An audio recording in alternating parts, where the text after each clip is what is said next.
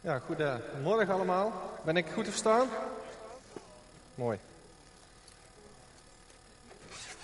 Ik ga voor de ouderwetse manier van uh, papier. Je weet wel, die witte blaadjes uh, die we vroeger hadden. Dus uh, de iPad en de tablet en de laptop en de computer en de tv staan allemaal thuis. Dus niet dat ik het allemaal niet heb of zo. Maar...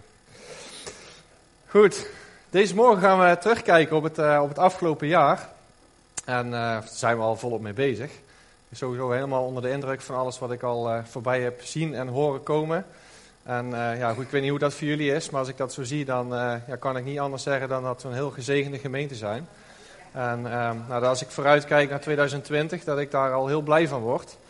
van alles wat daar gaat gebeuren. En hoe dat eruit gaat zien, ja, dat, dat weten we nog niet. Maar ja, het begint wel steeds meer concrete vormen aan te nemen als ik zie wat er allemaal gebeurt. Dus dat vind ik heel mooi om te zien. Uh, ik wil het vanmorgen met jullie hebben over de wedloop van het leven. En ja, dat klinkt misschien een beetje zwaar. Maar uh, ik ga met jullie aan de hand van een Bijbelgedeelte eigenlijk ook kijken van nou, wat zegt God nou over het afsluiten van een periode. En ook hoe bereid je je dan voor op een nieuwe periode. En dat is natuurlijk ook wat we vandaag doen. We kijken terug op het afgelopen jaar. Maar we gaan ook vooruitkijken naar, naar 2020. Um, nou, even kort als uh, inleiding. Want uh, ja, ik vroeg me af van welk, welk bijbelgedeelte ja, zou daar nou bij passen. in 2015 zat ik in een werkgroep. En um, nou, dat is een werkgroep waarmee we samen aan het brainstormen waren van nou, wat kunnen we nou doen in Gods Koninkrijk. En wat, is nou, um, ja, wat is nou eigenlijk, wat wil God nu eigenlijk en welke richting moeten we nu op? Nou, daar hebben we ook samen voor gebeden. En ja, op een gegeven moment bad ik ook van, Heer, wilt u alstublieft onze richting geven. Zoals ook vroeger het volk in de woestijn uh, ja, de, de, wolk zag en ook de wolk kon volgen. En uh, ja, dan, dan weet je in ieder geval welke kant je op gaat. De goede kant. En die wolk die geeft nog niet duidelijk aan van je moet nu naar links of je moet nu naar rechts. Want je weet op het moment zelf nog niet waar hij de volgende dag naartoe zal gaan. Maar je weet wel, zolang ik achter die wolk aanga, ben ik God aan het volgen. En volg ik Gods geest. En dan weet ik, dan zit ik op de goede weg. Nou, de volgende ochtend, want op dat moment toen ik daarvoor had gebeden, ja, had ik daar nog niet direct een antwoord op. Maar de volgende ochtend uh, ja, had ik een Bijbeltekst en dat was Hebreeën 12.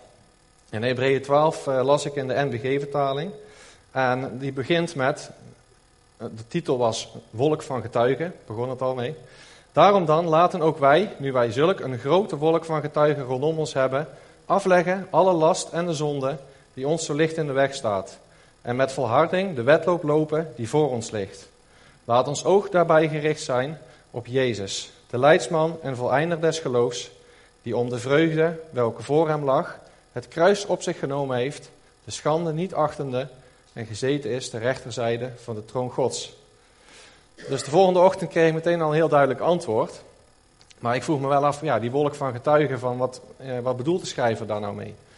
Nou, in hoofdstuk 11, het hoofdstuk daarvoor, staat eigenlijk een hele lijst beschreven van alle geloofshelden uit het Oude Testament.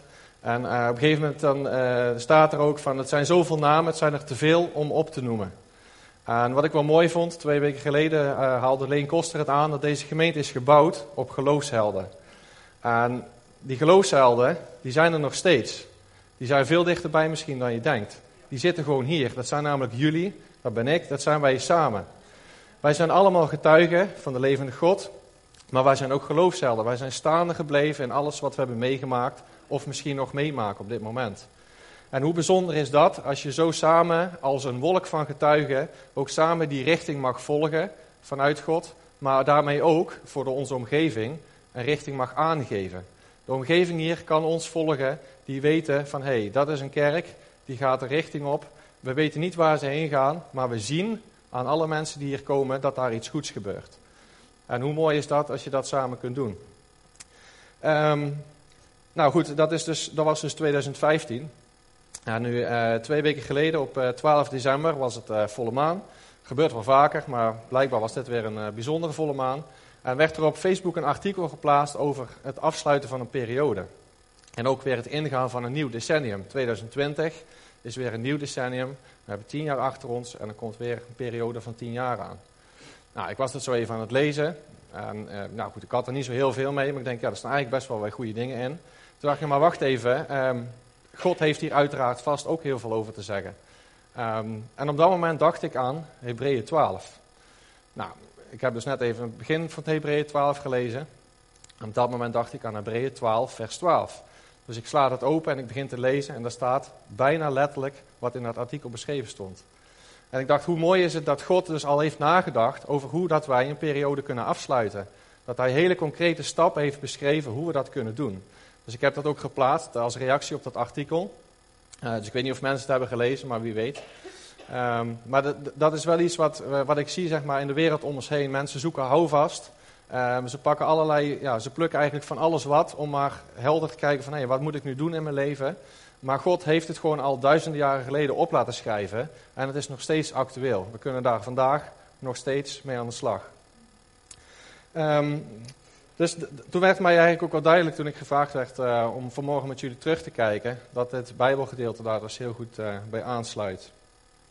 En um, nou goed, om ermee te beginnen uh, wil ik met jullie lezen uit Hebreeën vers 12, vers 1 tot en met 15.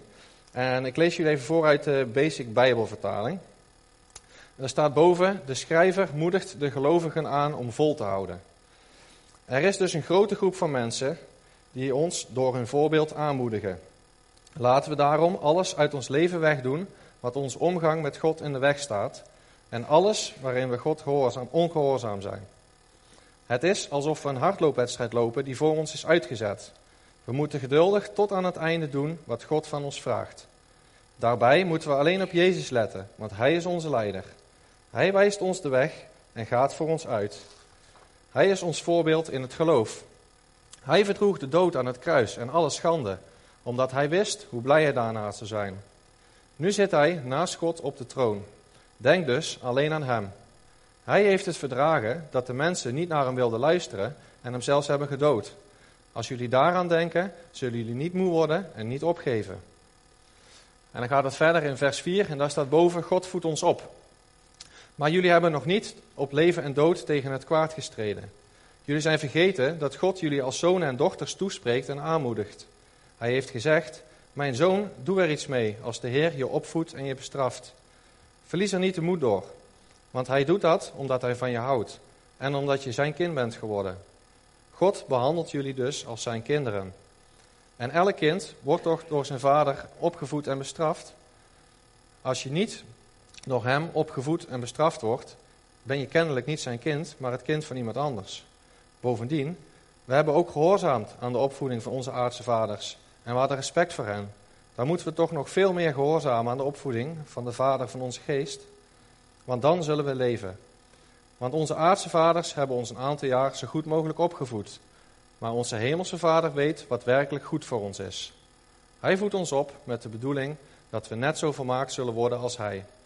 Als hij ons bestraft, is dat op het moment zelf niet fijn, maar pijnlijk. Maar uiteindelijk levert het iets goeds op. Want als we aan de opvoeding van onze vader gehoorzaam zijn, zal hij blij met ons zijn. Wees dus flink en pak jezelf aan. Leef zoals God het wil. Dan zal je geloof niet zwakker worden, maar juist sterker. Net zoals zwakke benen die goed gebruikt worden, sterker worden. Doe je best om met iedereen in vrede te leven en om een zuiver leven te leiden, anders zul je nooit dicht bij de Heer kunnen zijn. Let er ook op dat niemand van jullie Gods liefdevolle goedheid misloopt. Want bitterheid is als een zaad waaruit een giftige plant opgroeit. Iedereen raakt erdoor vergiftigd en dat heeft grote gevolgen. Want door ruzie ontstaat er verdeeldheid in de gemeente. Nou, dat is best wel uh, een zware tekst, hè? er staan toch wel wat pittige dingen in.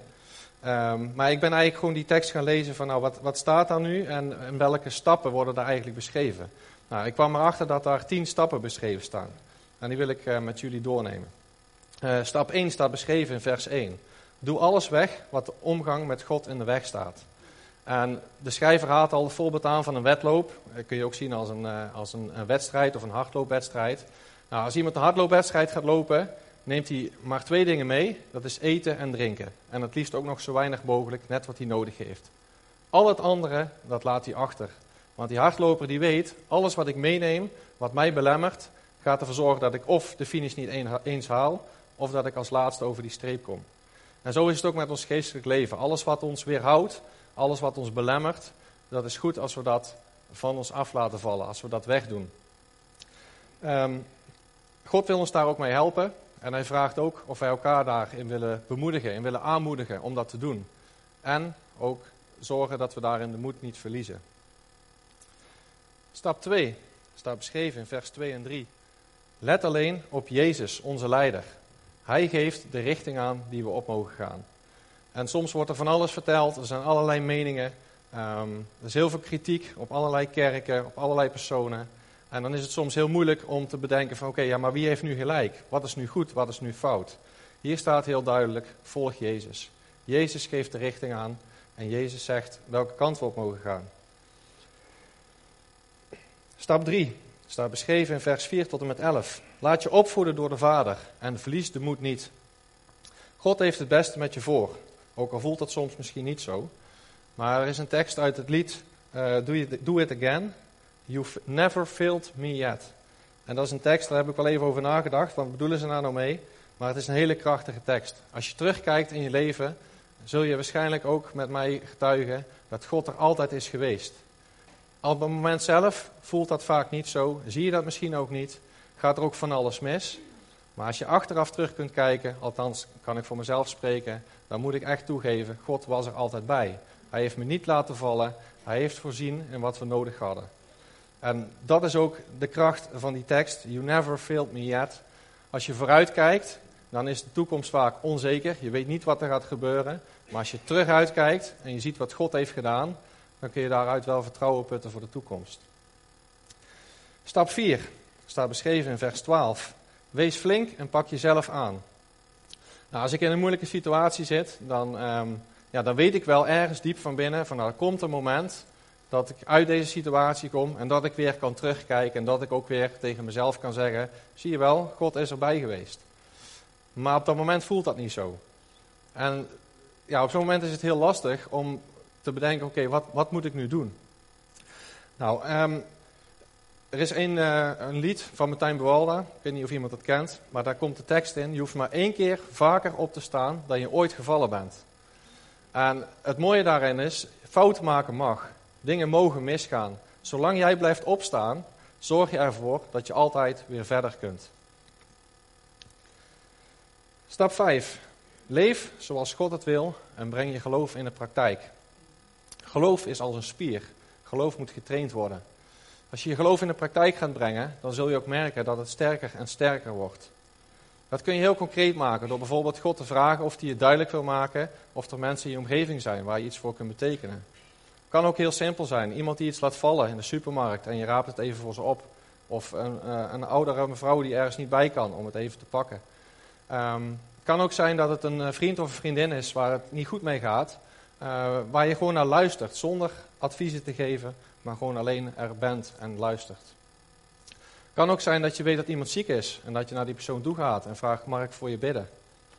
Kan ook zijn dat je weet dat iemand depressief is en dat je die persoon gaat bemoedigen. En dat je ook mag getuigen van wat God heeft gedaan in jouw leven. Zo zijn er heel veel verschillende manieren waarop je eigenlijk heel klein en heel praktisch het geloof in de praktijk kunt brengen. En God wil dat ook. God wil ook dat wij actief zijn. Dat we niet alleen op zondag in de kerk zitten en luisteren, maar dat we ook de rest van de week in actie komen. En dat wij aan de slag gaan, zodat God ons daar ook de kracht voor kan geven, de wijsheid voor kan geven en het inzicht voor kan geven. Stap 6. Doe je best om met iedereen in vrede te leven en zuiver te leven. Nou, dat is niet makkelijk. Dat gaat in heel, heel veel gevallen gaat dat heel moeizaam. Toch vraagt God ons om ons best daarvoor te doen, om ons daarvoor in te spannen. En belangrijk is dat wij ook onszelf, maar ook de ander, in de spiegel en in de ogen aan kunnen kijken en met oprecht hart kunnen zeggen van ik heb mijn best gedaan om, zo, in vrede met jou of met de ander te leven. Zolang je dat kunt doen, denk ik dat je op de goede weg zit. Vergeven is niet makkelijk, maar is wel mogelijk met Gods hulp. Vergeven en verzoening zijn twee verschillende dingen. Vergeven kun je doen vanuit jezelf. Daar heb je de ander niet voor nodig. Verzoening is herstel van een relatie. Dat is iets, dat doe je samen. Daarvoor heb je de ander wel nodig. Maar die eerste stap, vergeving, daar begint het mee. En als je die keuze maakt, want dat voelt soms ook niet zo, maar dat is een keuze, dan geloof ik ook dat God van daaruit weer verder kan gaan werken. Stap 7. Let erop dat niemand achterblijft. En nou lees ik even vers 15 voor uit de herziende statenvertaling, maar daar staat dat heel mooi beschreven. Zie erop toe dat niemand achterop raakt in de genade van God. En dat er geen enkele wortel van bitterheid opschiet en onrust veroorzaakt, zodat daardoor velen bedoezeld worden. Bezoedeld worden staat er trouwens. Nou, als je in een team gaat hardlopen, of uh, je legt bijvoorbeeld een parcours af door het bos, gebeurt wel vaker hier ook in, uh, in Sittard, dan uh, geldt de tijd van de laatste die over de finish komt. En ik geloof dat dat met ons zo ook is. We kunnen soms heel sterk zijn in ons geloof en we kunnen heel hard vooruit hollen, maar wij samen als team hebben daar niets aan. De tijd van de laatste die geldt. Dus hoe belangrijk is het om, om elkaar te geven, om naar elkaar om te zien. En als je ziet dat iemand het even moeilijk heeft, om die even aan de arm mee te nemen.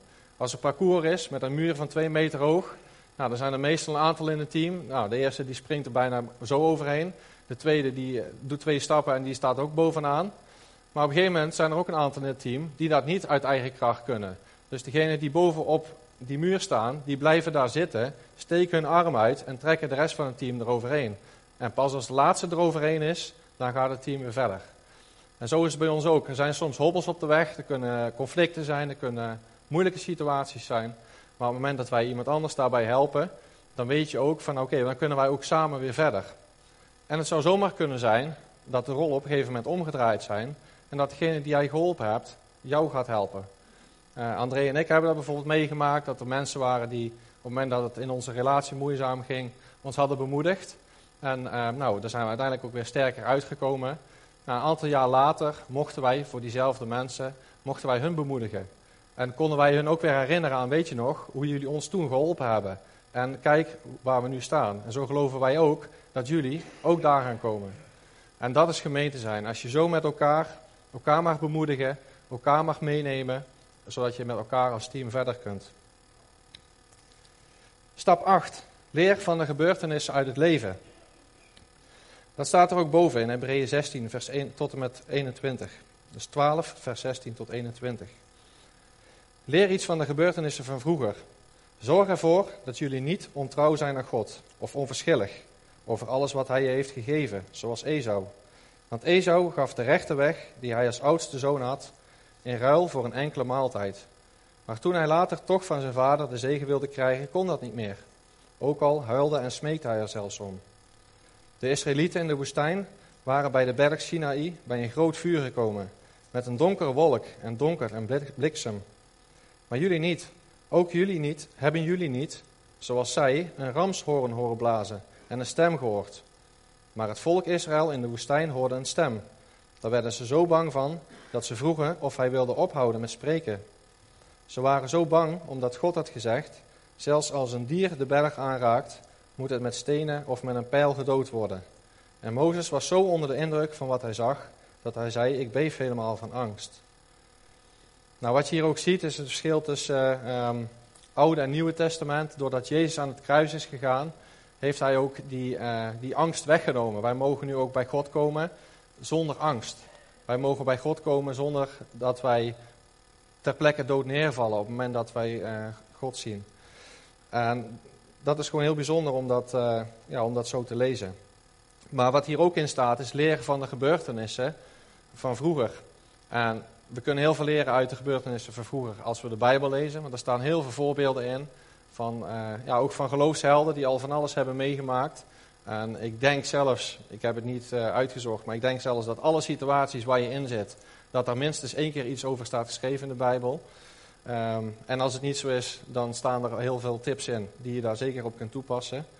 Maar zo zijn er ook gebeurtenissen in je eigen leven of gebeurtenissen in het leven van anderen. En het is heel belangrijk om ook daar goed naar te kijken en dat dus mee te nemen als les. Stap 9. Weet dat het feest in het hemelse Jeruzalem voor ons klaar staat. Het staat in Hebreeën 12, vers 22 en 23. Maar jullie zijn gekomen bij de berg Sion, bij de stad van de levende God, het hemelse Jeruzalem, en bij ontelbare engelen, en bij de feestelijke en plechtige bijeenkomst van Gods oudste kinderen, die in de hemel opgeschreven staan, in het boek van het leven.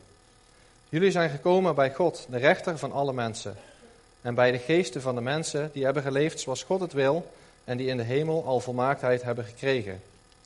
Hoe mooi is dat? We weten dat er nog heel veel moois voor ons klaar ligt.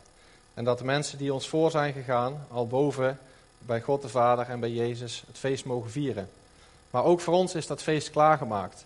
En dat is de weg ook die we afleggen op het moment dat wij de wedloop van ons leven gelopen hebben. Dan is dat ook het vooruitzicht wat we mogen hebben. Maar God vraagt meer. God vraagt ook dat tijdens dat wij die wedloop lopen, ook andere mensen daarin meenemen. Zodat wij niet alleen die finish overgaan, maar dat wij zoveel mogelijk mensen daarin mee mogen nemen. Stap 10. Leef vanuit het nieuwe verbond met Jezus. In vers 24 tot en met 29 staat: Jullie zijn gekomen bij Jezus, door wie God een nieuw verbond heeft gesloten. En bij het bloed waarmee jullie zijn besprenkeld, en dat een betere boodschap brengt dan het bloed van Abel. Let dan goed op dat jullie gehoorzamen aan hem die spreekt. Vergeet niet dat het vroeger slecht afliep met de Israëlieten, die ongehoorzaam waren aan God toen hij op aarde sprak. Daarom is het zeker dat het ook met ons slecht zal aflopen als we niet luisteren nu hij door Jezus vanuit de hemel spreekt. Toen God vanaf de berg sprak, schudde alleen de aarde van zijn stem. Maar nu heeft hij gezegd: Nog één keer zal ik niet alleen de aarde, maar ook de hemel laten schudden. Dit nog één keer geeft aan dat alles wat kan schudden, dus alles wat is gemaakt, weggeveegd zal worden. En dat is dus de hele aarde. Zo zal alleen wat niet kan schudden overblijven. Het koninkrijk wat we hebben gekregen kan niet schudden. Het staat stevig en vast en zal dus blijven bestaan. Laten we daarom vasthouden, op vast vertrouwen op Gods goedheid en God dienen en aanbidden op een manier waar Hij blij mee is. Dat is dus vol ontzag. Want onze God is als een vuur dat alles verbrandt. Nou, hier lees je ook dat vanuit de opstandingskracht wij ook weer verder kunnen. En dat God een nieuw verbond met ons heeft gesloten. En Jezus is een onuitputtelijke bron waar wij levend brood van kunnen eten en waar wij het levende water uit kunnen drinken. En er zijn twee teksten waar dat eh, letterlijk beschreven staat. Dat is in Johannes 6, vers 51. Ik ben dat levende brood dat uit de hemel gekomen is. Als je van dit brood eet, zul je eeuwig leven. Dat brood is mijn lichaam. Ik geef mijn lichaam om aan alle mensen leven te geven. En in Johannes 4, vers 14. Maar wie van het water drinkt dat ik hem geef, zal nooit meer dorst krijgen. Dat water zal in hem als een fontein worden, waaruit eeuwig leven voortkomt. Dat is de bron waar wij uit mogen putten. Want als ik zo al die stappen lees, dan denk ik van oké, ja, heel mooi, heel goed. Maar hoe ga ik dat ooit doen? Want het is niet makkelijk. Maar ook daar heeft God al over nagedacht. Hij heeft zijn zoon naar de aarde gezonden. Zijn zoon is gestorven aan het kruis en is vooral weer opgestaan. En van daaruit mogen wij kracht putten. Daaruit krijgen wij de wijsheid en inzicht die we nodig hebben om verder te gaan. Nou, dat willen we ook samen gaan vieren door het heilige avondmaal. Dus ik wil uh, Jan-Pieter vragen om, uh, om dat over te nemen.